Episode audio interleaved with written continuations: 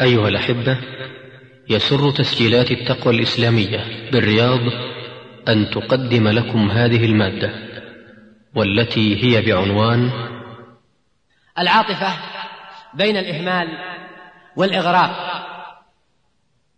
لفضيلة الشيخ محمد بن عبد الله الدويش. الحمد لله نحمده ونستعينه ونستغفره ونتوب إليه. ونعوذ بالله من شرور أنفسنا ومن سيئات أعمالنا. من يهده الله فلا مضل له ومن يضلل فلا هادي له. وأشهد أن لا إله إلا الله وحده لا شريك له وأشهد أن محمدا صلى الله عليه وسلم عبده ورسوله.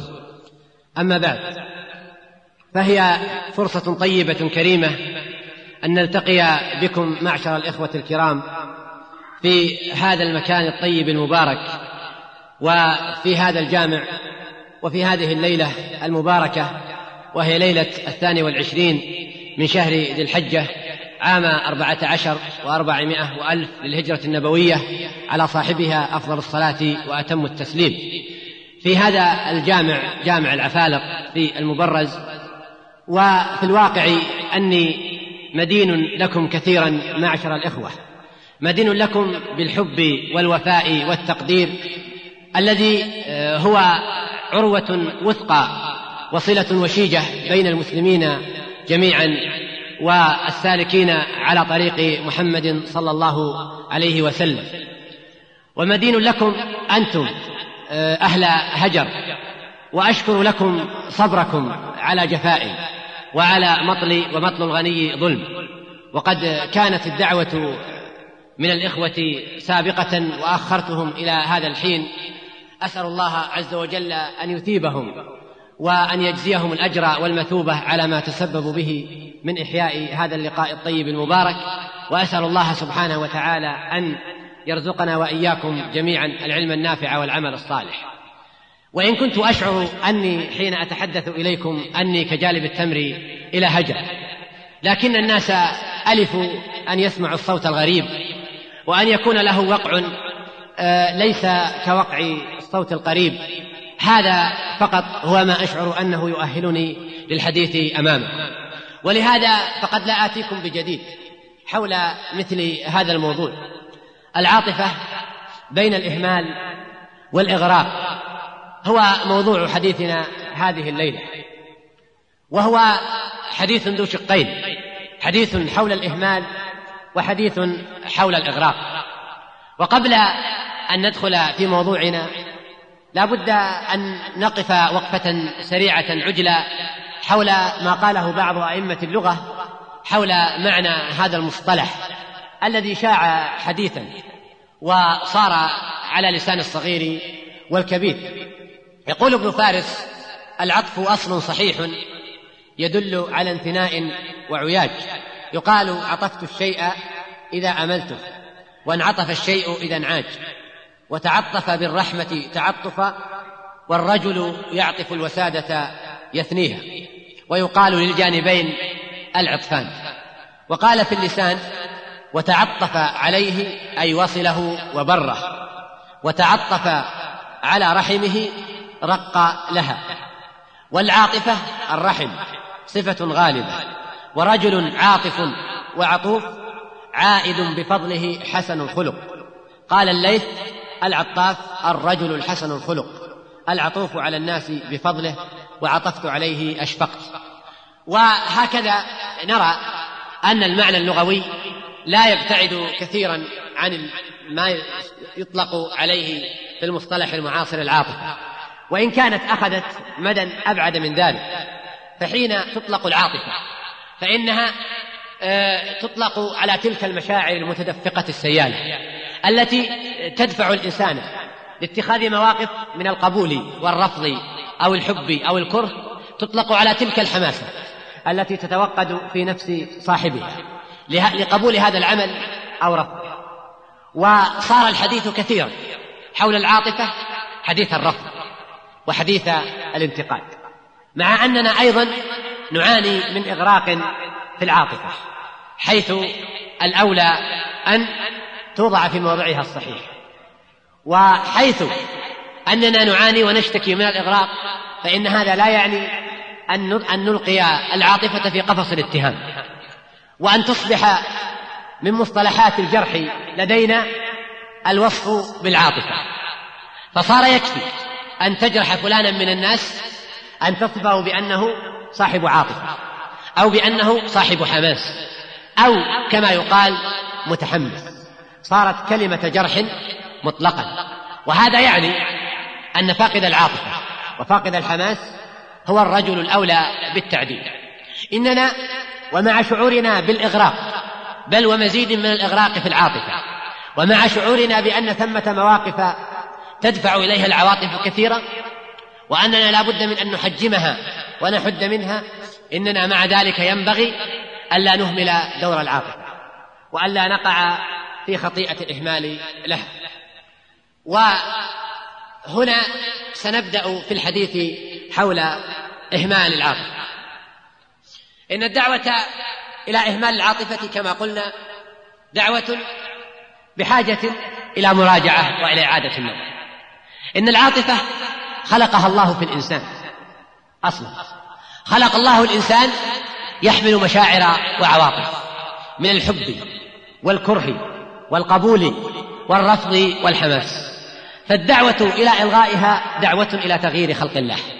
والدعوة إلى إلغائها تعني بكل بساطة أن هذه العاطفة لم يكن لها حكمة في خلق الإنسان وأنها خلقت عبثا وحاشا لله عز وجل أن يكون في خلقه سبحانه وتعالى عبث فالله سبحانه وتعالى ما ركب هذه العاطفة في نفس الإنسان إلا لحكمة.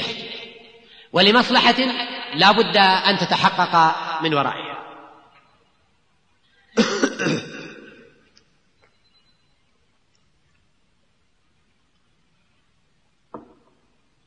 ثانيا يتفق العقلاء من الناس على وصف فاقد العاطفة أنه رجل شاذ.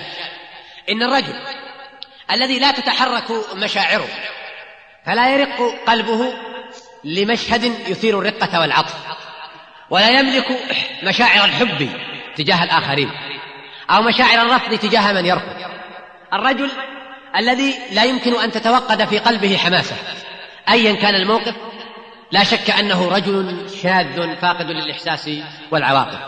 بل إن الناس يرون أن الرجل الذي لا يحس بالجمال ولا يتذوق الجمال في هذه الدنيا رجل شاذ.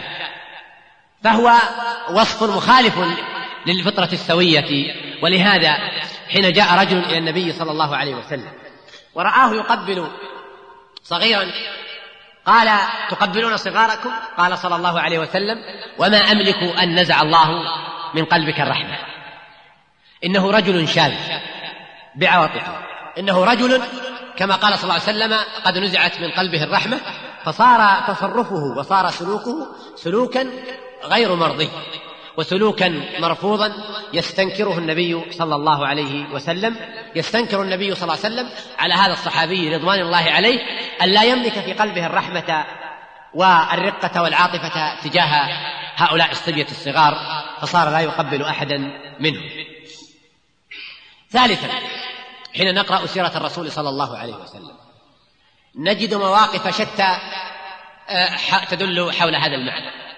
وسواء سميناها عاطفة أو لم نسمها كذلك فلا مشاحة في الاصطلاح. ولا يجوز أبدا أن نقيم جدلا وحربا حول المصطلحات والألفاظ. سمها ما شئت إنها تعني الذي نريد. وإن اصطلحنا نحن على تسميتها بالعاطفة فإن هذا لا يعني أن وصف العاطفة لفظ تهمة أصلا ولفظ جرح. آه، يتردد المرء من أن يصف به فلانا من الناس فضلا عن أن يصف به محمدا صلى الله عليه وسلم. ولئن اخترت أن تصف أن تبحث له عن لفظ غير هذا فأنت وما تريد. لكننا نحن نريد المعنى ولسنا نقيم جدلا حول هذا المصطلح وحول هذا اللفظ النبي صلى الله عليه وسلم كان يملك هذا الشعور. يملك صلى الله عليه وسلم هذا الشعور مع زوجاته. ففي حجة الوداع تأتي زوجه عائشة رضي الله عنها وقد حاضت. ولم يتيسر لها أن تأتي بعمرة قبل الحج. فتأتي إلى النبي صلى الله عليه وسلم فتقول يذهب الناس بحج وعمرة وأذهب بحج ثم تلح عليه صلى الله عليه وسلم. يقول جابر وكان رسول الله صلى الله عليه وسلم سهلا لينا إذا هوت أمرا تابعها أبيه. ويواعدها صلى الله عليه وسلم المحصب أو الأبطح ثم تذهب مع أخيها فتعتمر. فتأتي إليه صلى الله عليه وسلم فيوقظ صلى الله عليه وسلم ثم يقول أفرغتم؟ فتقول نعم فيؤذن أصحابه بالرحيل. وفي موقف آخر أبعد من هذا كان النبي صلى الله عليه وسلم وأصحابه في غزاة ففقدت عقدا لها رضي الله عنه وحبس النبي صلى الله عليه وسلم الناس يبحثون عن هذا العقد. ويأتي أبو بكر الصديق رضي الله عنه إليها والنبي صلى الله عليه وسلم نائم على حجرها فيقول حبست رسول الله صلى الله عليه وسلم والناس وليسوا على ماء وليس معهم ماء قالت فما يمنعني أن أتحرك إلا مقام رسول الله صلى الله عليه وسلم على فخذي. وحتى إذا أيسوا من هذا العقد يقيمون البعير فيجدونه تحته. وتدركهم الصلاة وليسوا على ماء فتنزل آية التيمم فيقول أسيد رضي الله عنه ما هذه بأول بركتكم يا آل أبي بكر؟ إن النبي صلى الله عليه وسلم يحبس الجيش هنا كله ويبقيه ينتظر هذا العقد. والقضية ليست قضية رجل يتعلق بالدنيا حاشا وكلا رسول الله صلى الله عليه وسلم. إنما هي مراعاة لمشاعر تلك المرأة. تلك المشاعر المرهفة عند مثل هذه المرأة التي تقيم لهذا العقد وزنا. فيحبس النبي صلى الله عليه وسلم الجيش ويحبس الناس ويأتي أبو بكر الصديق رضي الله عنه غاضبا إلى عائشة كيف حبست الناس؟ ويبقيهم صلى الله عليه وسلم حتى أدركتهم الصلاة وليسوا على ماء وليس معهم ماء. وتأتي رضي الله عنها تنظر إلى أهل الحبشة وهم يلعبون في المسجد ويقف صلى الله عليه وسلم يسترها. وهي جارية. لا تمل اللعب حتى تمل وتنصرف بعد ذلك فينصرف صلى الله عليه وسلم. ونرى أيضا هذا الخلق عنده صلى الله عليه وسلم. وتلك الرقة مع الأولاد. فيأتي إليه الصبي فيقبله صلى الله عليه وسلم.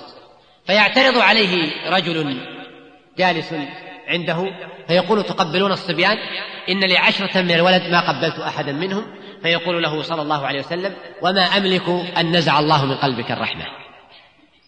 وفي الحديث الآخر أيضا يقول صلى الله عليه وسلم من لا يرحم لا يرحم.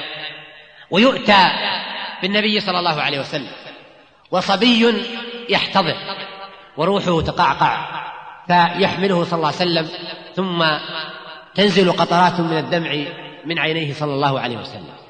ويتساءل أصحاب النبي صلى الله عليه وسلم يتساءلون كيف لهذا القلب الكبير أن يرق؟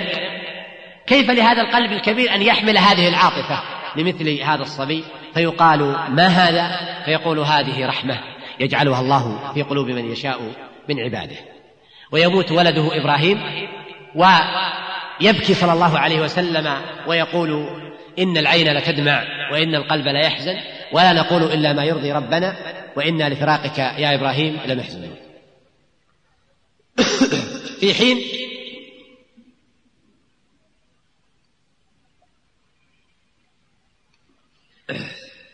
يأتي أحد متصوفة ويرى أنه سيبلغ هديا أكمل من هدي النبي صلى الله عليه وسلم. وهو يشعر أنه قد أمر بالصبر على فقد الاولاد والرضا لهم فحين يموت ولده يقوم هذا الرجل يرقص على قبره فرحا بهذه المصيبة. ويظن أنه قد بلغ منزلة من الرضا بقضاء الله عز وجل وقدره منزلة عالية بينما هو قد فقد تلك المنزلة العالية التي سما إليها النبي صلى الله عليه وسلم حين يجمع بين الصبر والرضا بقضاء الله عز وجل ويجمع بين الرحمة والرقة والعاطفة التي لا يفتقدها إلا إنسان شاذ وياتي الحسن والنبي صلى الله عليه وسلم يصلي ساجدا فيصعد على ظهر النبي صلى الله عليه وسلم كما روى النسائي من حديث عبد الله بن شداد رضي الله عنه فيطيل النبي صلى الله عليه وسلم السجود حتى يقوم هذا الغلام فيسأله أصحابه فيقول إن ابني هذا ارتحلني فكرهت أن أقوم حتى يقضي حاجته ويدخل وهو يخطب صلى الله عليه وسلم. فينزل صلى الله عليه وسلم من على منبره ثم يحمله وهو ويعود إلى خطبته ويقول إن ابني هذا سيد وسيصلح الله به بين طائفتين عظيمتين من طوائف المسلمين. وتتجاوز رحمة النبي صلى الله عليه وسلم وعطفه تتجاوز بني الإنسان إلى البهيمة والحيوان. فيروي عبد الله بن جعفر عنه صلى الله عليه وسلم أن أحب ما استتر إليه لحاجته هدف أو حائش نخل فيدخل صلى الله عليه وسلم حائطا لرجل من الأنصار فإذا فيه جمل فلما رأى النبي صلى الله عليه وسلم حنى وذرفت عيناه فأتاه رسول الله صلى الله عليه وسلم فمسح ذكراه فسكت. فقال صلى الله عليه وسلم من رب هذا الجمل؟ لمن هذا الجمل؟ فجاء فتى من الأنصار فقال لي يا رسول الله فقال له أفلا تتق الله في هذه البهيمة التي ملكك الله إياها فإنه شكا إلي أنك تجيعه وتدئبه والحديث رواه أبو داود. وفي حديث آخر عند أبي داود من حديث عبد الرحمن بن عبد الله بن مسعود رضي الله عنهما عن أبيه قال كنا مع النبي صلى الله عليه وسلم في سفر فانطلق لحاجته فرأينا حمرة معها فرخان. فأخذنا فرخيها فجاءت الحمرة فجعلت تعرش. فلما جاء رسول الله صلى الله عليه وسلم قال من فجع هذه بولدها ردوا ولدها إليها.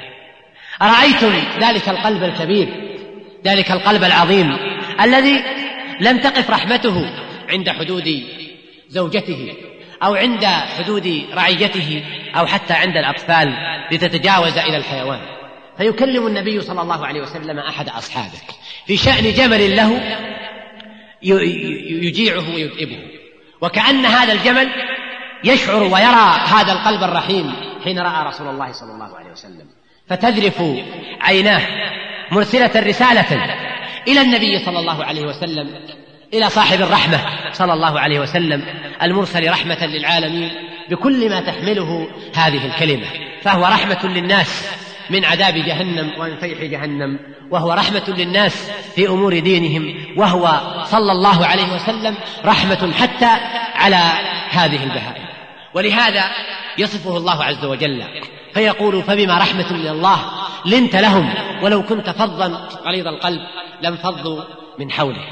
لقد جاءكم رسول من أنفسكم عزيز عليه ما عنتم حريص عليكم بالمؤمنين رؤوف رحيم.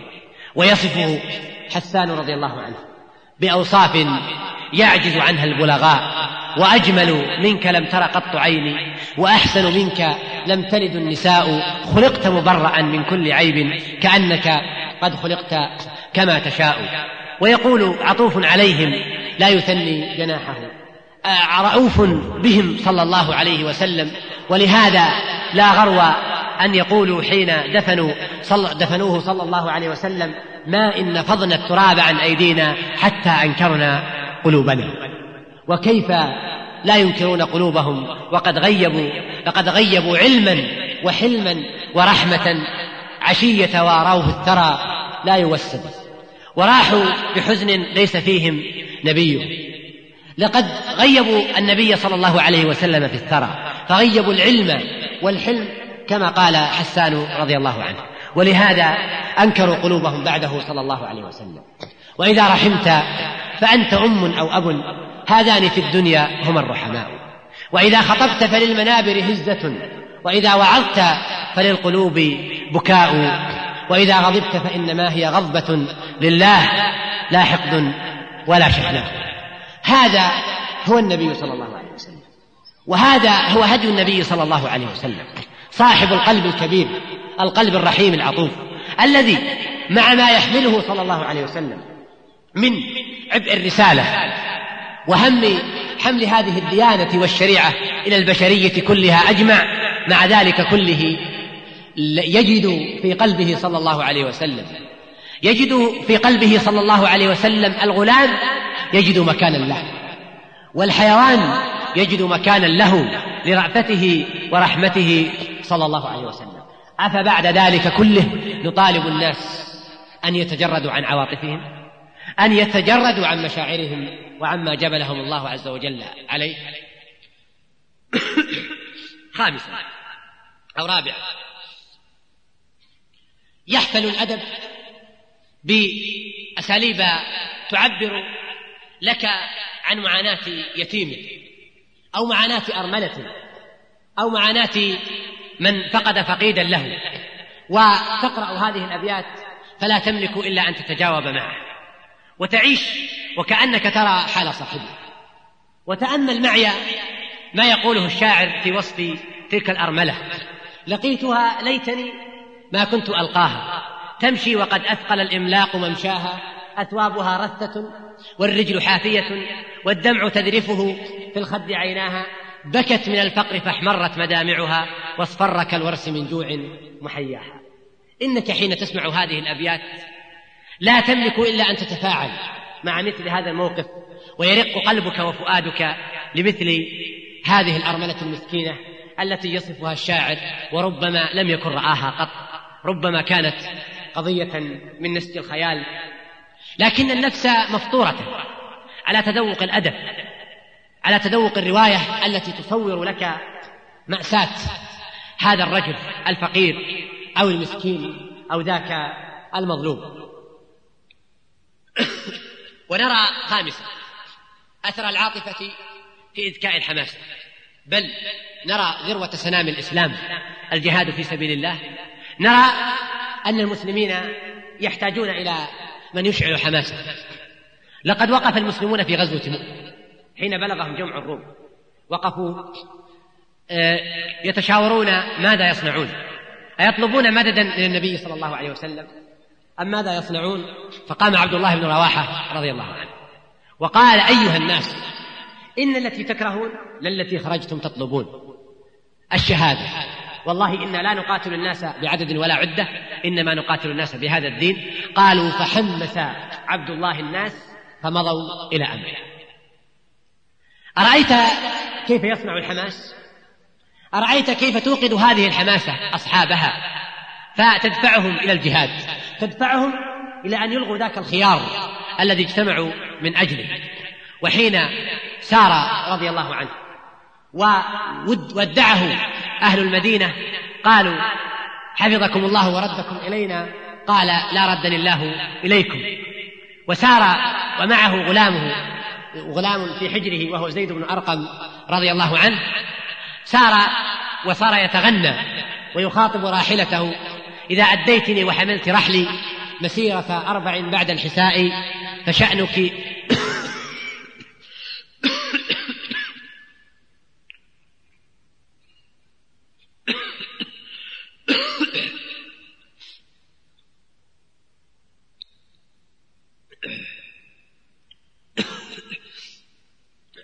نعتذر لكم أيها الأخوة فلا زلنا نحمل بعض الإجهاد بعد الحج نسأل الله عز وجل أن يتقبل منا ومنكم صالح الأعمال. إذا أديتني وحملت رحلي مسيرة أربع بعد الحساء فشأنك أنعم وخلاك برء ولا أرجع إلى أهلي ورائي. وجاء المسلمون وخلفوني بأرض الشام منجدل التوائي هنالك لا أبالي طلع بعل ولا نخل أسافلها روائي.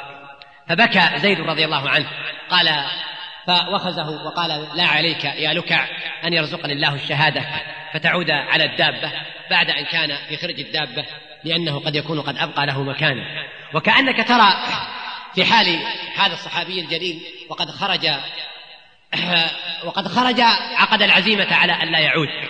ويسأل الله عز وجل أن يخلفه المسلمون بأرض الشام. وحين قتل صاحبه وتقدم تردد وتلكأ.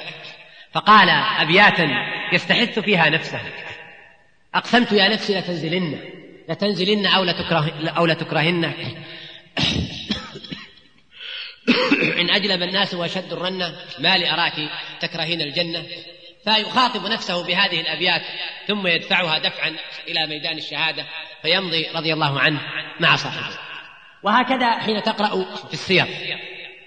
قبل المعركة يجمع القائد جنده وجيشه فيخاطبهم ويحمسهم ويحثهم على الاستشهاد في سبيل الله ويبين لهم فضل الشهادة وفضل الجهاد في سبيل الله حتى يوقد حماستهم وعزيمتهم إلى الجهاد في سبيل الله عز وجل. وما ترى معركة أو غزوة قادها المسلمون إلا وترى الشعراء والخطباء قد أوقدوا حماسة الناس إلى هذا الجهاد. وقد أوقدوا حماسة الناس إلى الجهاد في سبيل الله عز وجل. أيسوغ بعد ذلك أن ندعو إلى إلغاء الحماس والعاطفة وهو يفعل فعله في النفوس. سادسا العاطفة حاجة مهمة في التربية. وحين يفقد المتربي العاطفة فإنه ينشأ شاذا وهي صورة نراها. صورة نراها في من مات أبوه أو ماتت أمه وتربى عند زوجة أبيه أو عند غيرها من النساء التي لا تشعر تجاهه بشعور الأم. الحنون كيف ينشأ هذا الشاب؟ إن الغالب من هؤلاء ينشأ شابا شاذا. ينشأ شابا يعيش ويعاني من الفراغ العاطفي. وكثيرا ما نرى المشكلات تتمثل عند هؤلاء. ذلك أن ثمة حاجة ملحة لهم بحاجة إلى أن يعطوا إياها ألا وهي الحنين والعاطفة. ولهذا يربي ولهذا يتربى هذا الشاب. يتربى بعقل أبيه وحجر أبيه ويتربى أيضا بعاطفة أمه. ولحكمة بليغة يخلق الله عز وجل العاطفة في الأم. عاطفة تذوب عندها المواقف عاطفة تلتقي. في نقطة اتزان مع عقل الأب وحصافته فيعيش الشاب ويعيش الطفل بين هذين الخطين المتوازيين فيعيش حينئذ متوازنا مستقرا وحين يشد أحد الخيطين أكثر من صاحبه أو حين يفقد أحدهما فإنه يعيش عيشة غير مستقرة. ومن ثم فلا غنى فلا غنى للصغير عمن يحوطه بالعاطفة. وعمن يحن عليه ويشفق عليه وحين ينشأ خلاف ذلك فإن الغالب فيه أن ينشأ فاقدا لهذا الإحساس وفاقدا لهذا الشعور. إننا مع ذلك كله. نسمع من يدعو إلى إلغاء العاطفة بل من يدرج العاطفة ضمن مراتب الجرح.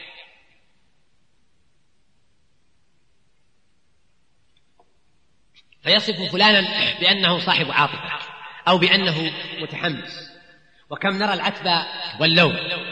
على ذاك الذي أغاضه انتهاك لحرمة من حرمات الله عز وجل.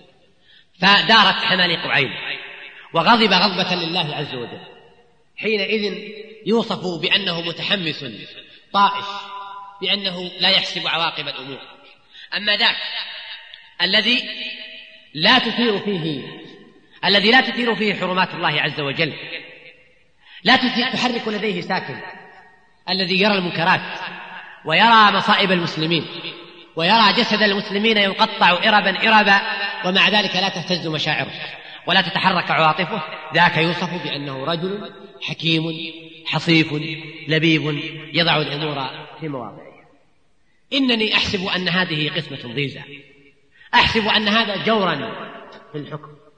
إننا ومع رفضنا للإغراق في العاطفة إلا أن الغضب والحمية لدين الله عز وجل خلق كان عند أصحاب النبي صلى الله عليه وسلم.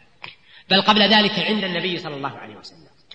كان صلى الله عليه وسلم هينا سهلا لينا فإذا انتهكت محارم الله لم يقم لغضبه شيء صلى الله عليه وسلم. ويوصف أصحاب النبي صلى الله عليه وسلم بأنهم كانوا يتناشدون الشعر فإذا أردت أحدهم على دينه دارت حماليق عينه. أليس هذا تعبيرا عن الغضب والغيرة لحرمات الله عز وجل؟ وكيف نصنع بتلك المواقف الفذة من سلف الأمة التي وقفوا, في وقفوا فيها غضبا وحمية لدين الله عز وجل وقالوا فيها كلمة الحق مدوية مجلجلة واضحة صريحة قالوها ولا شك أن الذي دفعهم لذلك الحماس. نعم. والغضب نعم. والعاطفة نعم.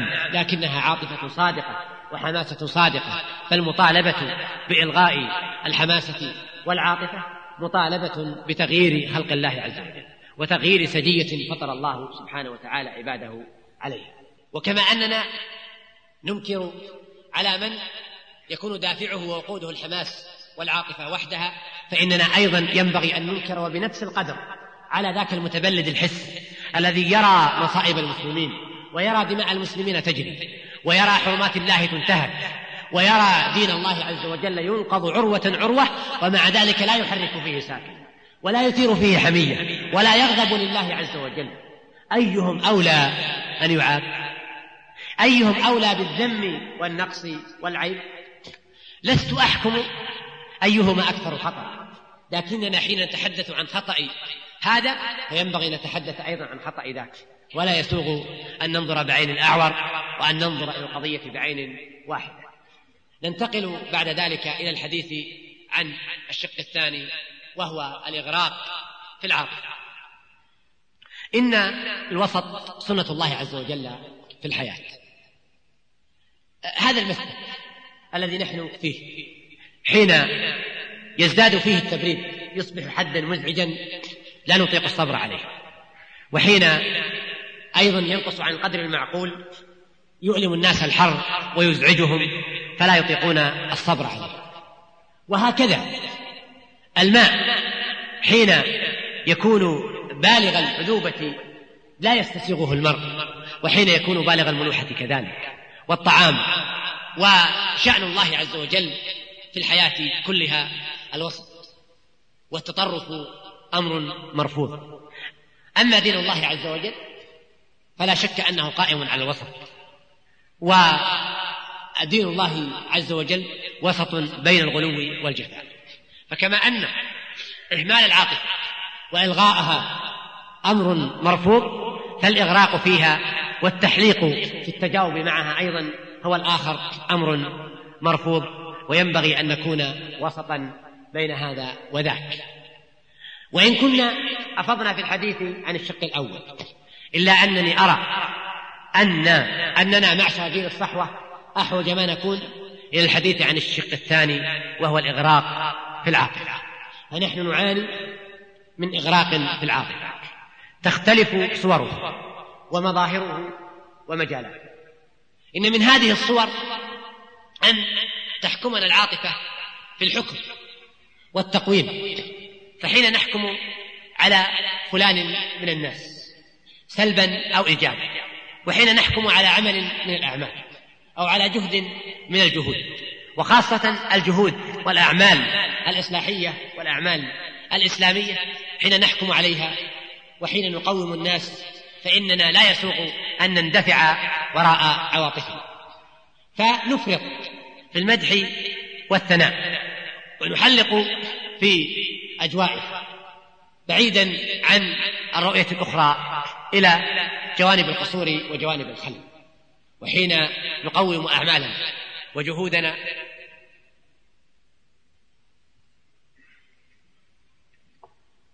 فلا يسوغ حين نقوم أعمالنا وجهودنا فلا يسوغ أن تكون العاطفة هي المعيار الأوحد للتقويم والحكم.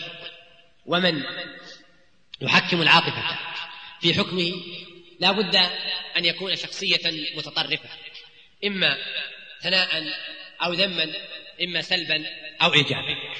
كثيرة هي الأحكام معشر الإخوة الكرام التي نطلقها من وحي العاطفة فقط. في أحكامنا ومواقفنا من الرجال ومواقفهم.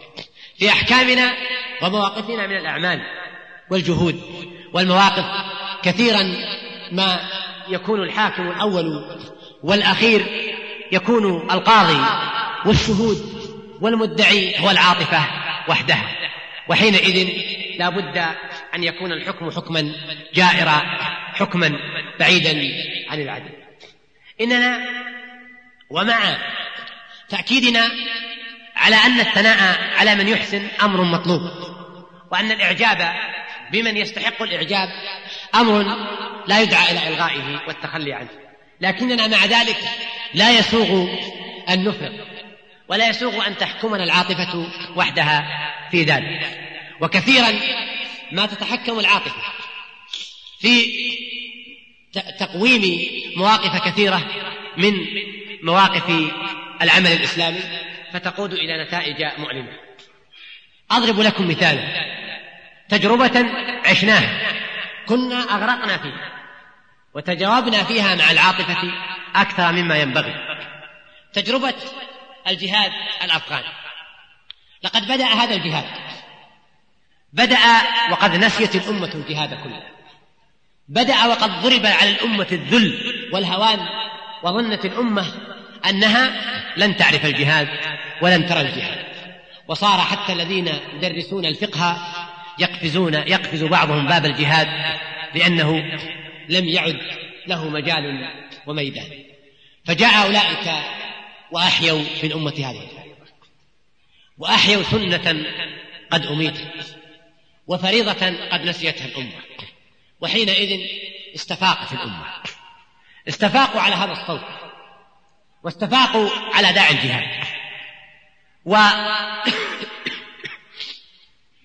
صدموا بأولئك الذين خرجوا في تلك البلاد وقاموا لله عز وجل وأحيوا الجهاد في سبيل الله. وكان جهادا حقا ولا شك. وقام بدور في إحياء الأمة ولا شك.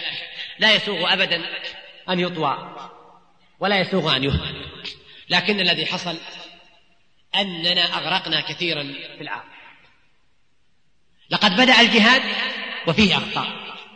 شأن البشر. وفيه انحرافات شأن البشر وفيه خلافات شأن جهود البشر. فما بالكم بهذا الواقع الذي تعيشه الأمة؟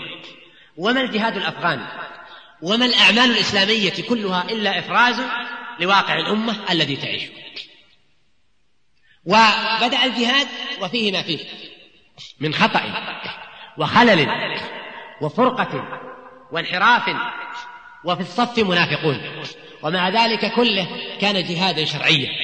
كان جهادا يستحق الدعم من الأمة وأن تقف في صفه لكن الذي حصل أننا أغرقنا في العاطفة. فرفعنا منزلة أولئك إلى منزلة قريبة من أصحاب النبي صلى الله عليه وسلم وإلى الملائكة. وصرنا نفرط في الحديث عن الكرامات ونستدل بها. ما كان منها صحيحا وما كان منها لا يقبله عقل ولا منطق بل ما كان منها من رواية أهل الخرافة الذين اعتدنا منهم هذه الأباطيل. وصرنا نتهم من يشكك في شيء منها بأنه يخذل. صرنا نتهم من يتحدث عن أخطاء الجهاد وعن أخطاء المجاهدين ومن يطالب بتنقية الصف صرنا نتهمه بأنه مخذل. وصار هذا الإرهاب الفكري يمارس ضد أي صوت ناصح يطالب مع البداية حين بدأ الجهاد يطالب بتنقية الصف بتصحيح النية يطالب بإذابة الخلافات يطالب بمراجعة المنهج. فكنا دائما نسمع التستر على الأخطاء ودفن العيوب وكنا نتجاوب في عاطفة جياشة ونتصور أن ذكر الأخطاء والحديث عنها لا يخدم. ولا يحقق المصلحة ويجعل الأمة لا تتجاوب مع هذا الجهاد. وطال عمر الجهاد.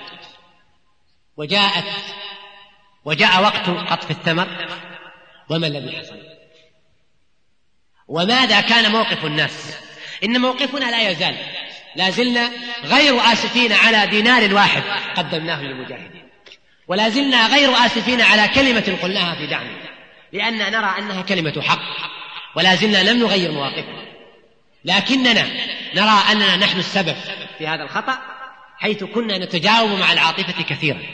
ونرفض الموضوعية ونرفض النقد ونرفض المصارحة حيث أن هذا الجهاد أوقد عاطفة في نفوسنا لم نستطع أن نضبطها ونحكمها فيما بعد حتى وصلنا إلى هذه المرحلة التي يدمينا جميعا ويؤلمنا أن نسمع تصريح آه، الزعيم الروسي السابق غورباتشوف حيث يقول لو علمنا أن الأفغان سيصنعون ما صنعوا لسلمناهم كابل منذ زمن بعيد. كم يدرك قلبك المأساة والحزن والأسى؟ وأنت ترى الآن السلاح الذي كان وراءه أموال المسلمين. وترى أولئك الذين صعدوا على جماجم الشهداء من كل بقاع المسلمين ترى أخاهم يوجه السلاح والرصاص لأخيه. أيا كان الموقف لا عذر بعد ذلك. إنني هنا لست بصدد تقويم هذا العمل وهذا الجهاد وهو مع ذلك لا يزال مفخرة من مفاخر الأمة وإنجازا من إنجازاتها. لكن الشاهد هنا أننا في تعاملنا مع هذا الحدث كنا نتجاوب كثيرا مع العاطفة وكنا نصدم وكنا نمارس الإرهاب الفكري. ونمارس التثبيط ضد أي صوت ناصح يدعو إلى تنقية الصف يدعو إلى تصحيح المسيرة. وأخشى أيضا أن نقع الخطأ أن يقع الخطأ نفسه الخطأ نفسه. وها نحن الآن نشهد الصحوة المباركة. مع ما فيها من إنجازات فهي فيها أمراض بحاجة إلى علاج بحاجة إلى مراجعة. بحاجة إلى مصارحة بحاجة إلى أن يتحدث عن أخطائها تحت ضوء الشمس وفي وضح النهار. فأرجو أن لا تسيطر علينا العاطفة مرة أخرى. فتدعونا إلى التستر على الأخطاء ودفن, ودفن العيوب حتى تستفحل حينئذ وتستعصي على العلاج والمداوي. إذا من الإغراق في العاطفة أن تكون العاطفة وسيلة للحكم والتقويم. من الإغراق العاطفة أيضا أن تكون هي الدافع الوحيد للعمل. أن يتجاوب المرء مع عاطفته. أن يتجاوب المرء مع عاطفته فيعمل عمل أو يتخذ قرارا أو يقف موقفا أو يقيم مشروعا. حين يكون الدافع الأول والوحيد له هو العاطفة لا غير فإن هذا عنوان الفشل والإغراق. في العواطف. ومع عدم إهمالنا دور العاطفة ومع أننا نرى أنه لا بد أن يدفع المرأة إلى أي عمل لا بد أن يدفعه حماس. وعاطفة تتوقد في قلبه. ونرى أن من يفقد العاطفة لا يمكن أن يحمل الدافع لعمل وإنجاز. مع ذلك كله فإنا نرى أن العاطفة وحدها حين تكون الدافع للعمل فإنها ستقود إلى نتائج غير محمودة ونرى أن التجاوز والإغراق في التفاعل مع العاطفة وحدها أنه إهمال للطبيعة الإنسانية حتى. فقد خلق الله الإنسان بعقل وحلم وعاطفة خلقه الله عز وجل بمشاعر وخصائص شتى. والموقف الذي يقفه المرء ينبغي أن يكون إفرازا لتفاعل كل هذه الخصائص التي فطر الله عز وجل الإنسان عليها. أما حين يكون إفرازا لعامل واحد فقط فهذا إغراق في العاطفة وغلو وتطرف. ومن الإغراق في العاطفة ثالثا العلاقات العاطفية التي قد تنشأ بين بعض الشباب أو بعض الفتيات. فقد ينشأ بين شابين أو فتاتين علاقة ومحبة يتجاوز قدرها. وتعلو حرارتها حتى تتجاوز الموقف الذي ينبغي أن تقف عنده. فتتحول إلى عاطفة جياشة. وتتجاوز ذلك الدافع الأول الذي دفع إليها ألا وهو الحب في الله. وهي صور ومواقف نراها جميعا. وكثيرا ما ترد إلي هذه الشكوى. إما سؤال في محاضرة. أو رسالة يحملها إلي البريد. وهي رسائل مؤثرة يحكي صاحبها معاناته مع هذا الجحيم الذي يعيشه من لأواء هذه العلاقة العاطفية ويبحث عن الخلاص والمخرج والكثير من هؤلاء يطلب مني ألا أن أنشر رسالته مع أني أعرف أنه لن يعرف من وراء ذلك لكن ما دمت قد استؤمنت على ذلك فلا يجوز أن تخون من ائتمنك وإلا قرأت عليكم بعض تلك الرسائل التي تصور لكم عمق المعاناة التي يعيشها مثل هذا الشعب. وتبدأ هذه العلاقة حبا في الله عز وجل. ثم تتطور إلى حد يتجاوز بعد ذلك هذا القدر. فتتحول إلى مشاعر عاطفية. يبديها فلان والآخر. ويحاول كل منهم أن يغلف هذه العلاقة بغلاف الحب في الله. ويحاول أن يطعم هذا اللقاء بشيء من التواصل وشيء من التعاون على طاعة الله عز وجل وهي مكائد وحيل نفسية وشيطانية حتى يغفل عن الداء والمحرك الأساس وحين تستحكم حينئذ يصعب ويعز الفراق فتراه ترى زيدا حين تراه فأنت تنتظر قطعا أن يأتي عمرو. وحين يعتذر زيد عن المشاركة فهذا يعني بالضرورة أن يعتذر عمرو هو الآخر. وليس من ثمة سبب إلا أنه قد اعتذر. وحين يكون الأول مشغولا فحتما حين يكون الأول مشغولا مع والده فسيكون الآخر مشغولا مع والدته. وإن لم يكن كذلك فثمة شغل هنا أو هناك والقضية تتحول إلى أن يربط مصيره بمصير فلان من الناس حتى لا يصبر على فراقه ولا على لقائه. وهكذا الشأن أيضا عند الفتيات. إنها صورة من الإغراق في العاطفة والتجاوب معها. صورة تقود إلى نتائج خطيرة. صورة تجعل هذه العاطفة تحجب عن غير هذا الشاب فلا يحب في الله إلا هذا الرجل ولا يبغض في الله إلا من أبغض هذا الرجل. ويصبح هذا الرجل هو مقياسه والآخر يبادله الشعور نفسه. وأما أصحابه وخلانه وإخوانه فلم يعد لهم مكان فسيح في قلبه حيث أتاه هواه قبل أن يعرف الهوى فصادف قلبا خاليا فتمكن فاستحكمت هذه العلاقة واستحكمت هذه المحبة حتى لم يعد في قلب كل واحد منهما مكان لغير صاحبه. ويكتشف يكتشفان حينئذ الخطأ لكن حين يفوت الأوان وحين يكون قد انساق مع هذه العاطفة. وتجاوب معها فيصعب عليه التراجع حينئذ. ويأتي يبث الشكوى ويطرح السؤال كيف الخلاص؟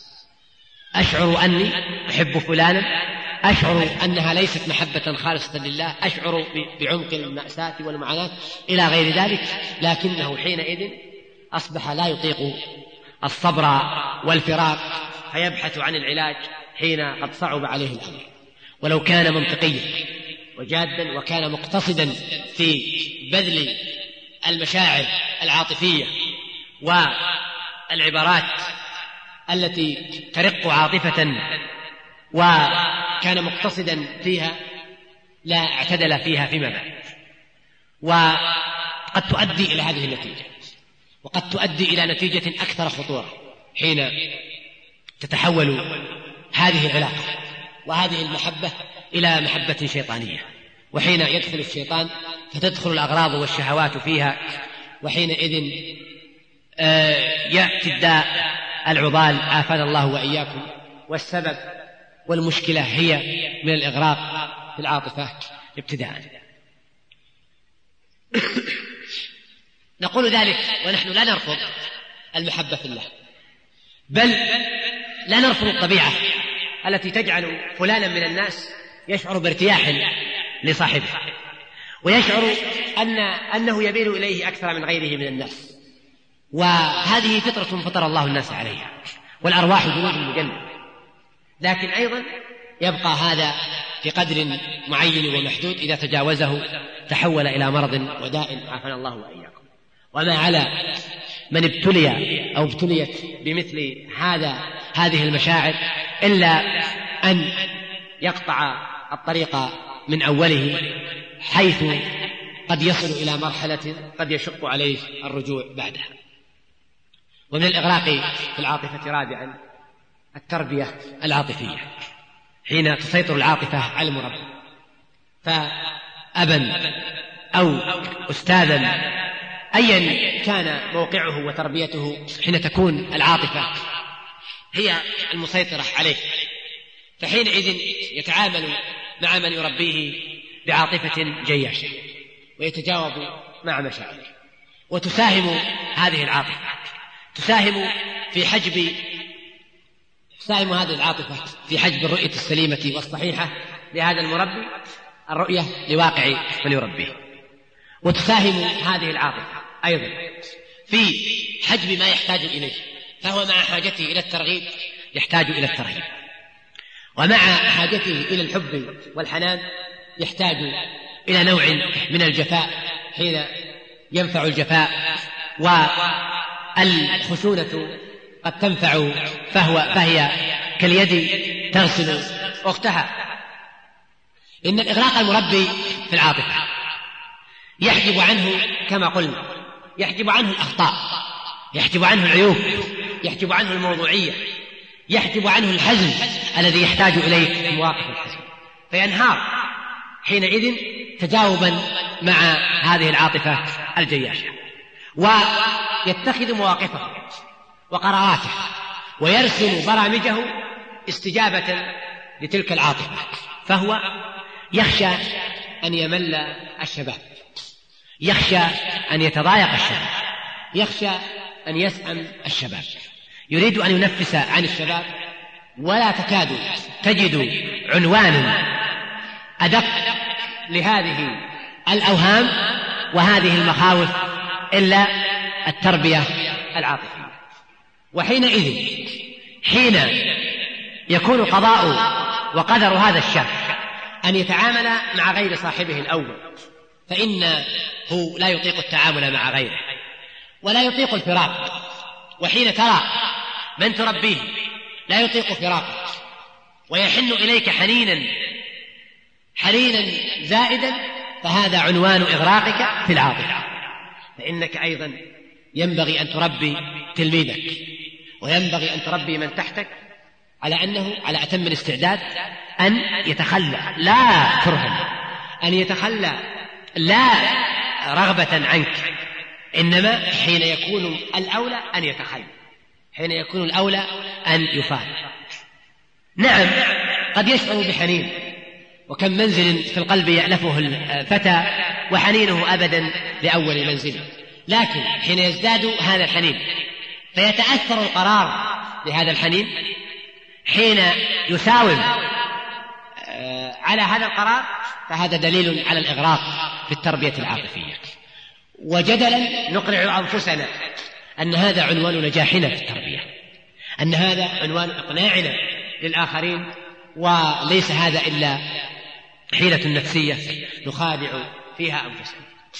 الله الله في هذا النشر. الله الله في هذا الجيل. إننا معشر الشباب معشر المربين بحاجة إلى جيل حازم بحاجة إلى جيل يتحمل المسؤولية بحاجة إلى جيل ينتظر أن يقال له لا.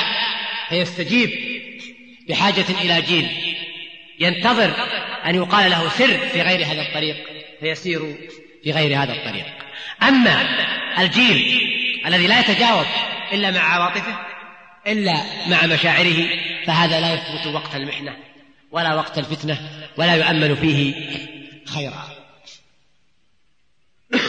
وحين نغرق في العاطفة في هذه الصور أو غيرها فإننا لن نجني من الشوك العنب إننا سنجني أولا الغلو ومجانبة الاعتدال. الغلو قبولا أو رفضا. والغلو والتطرف أمر مرفوض. ترفضه الطباع. المستقيمة والسليمة فضلا عن المتأدب بأدب الشريعة وهديها وها أنت ترى أنك بمجرد أن تصف فلانا بأنه غالب.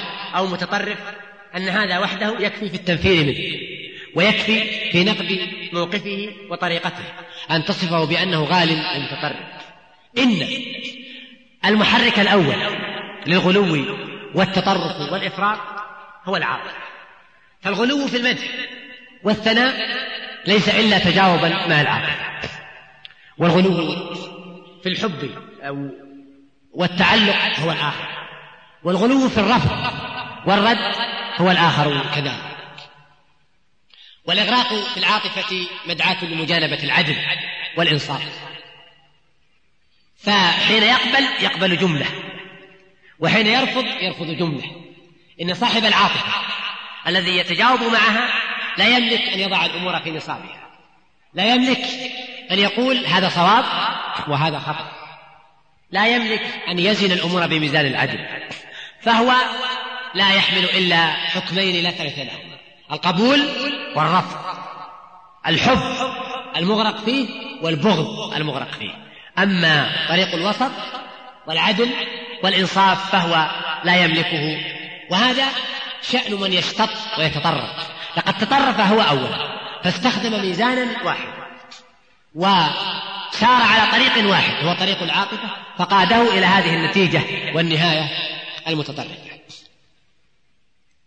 وهو أيضا يقودنا للوصول إلى نتائج غير سليمة وغير منضبطة.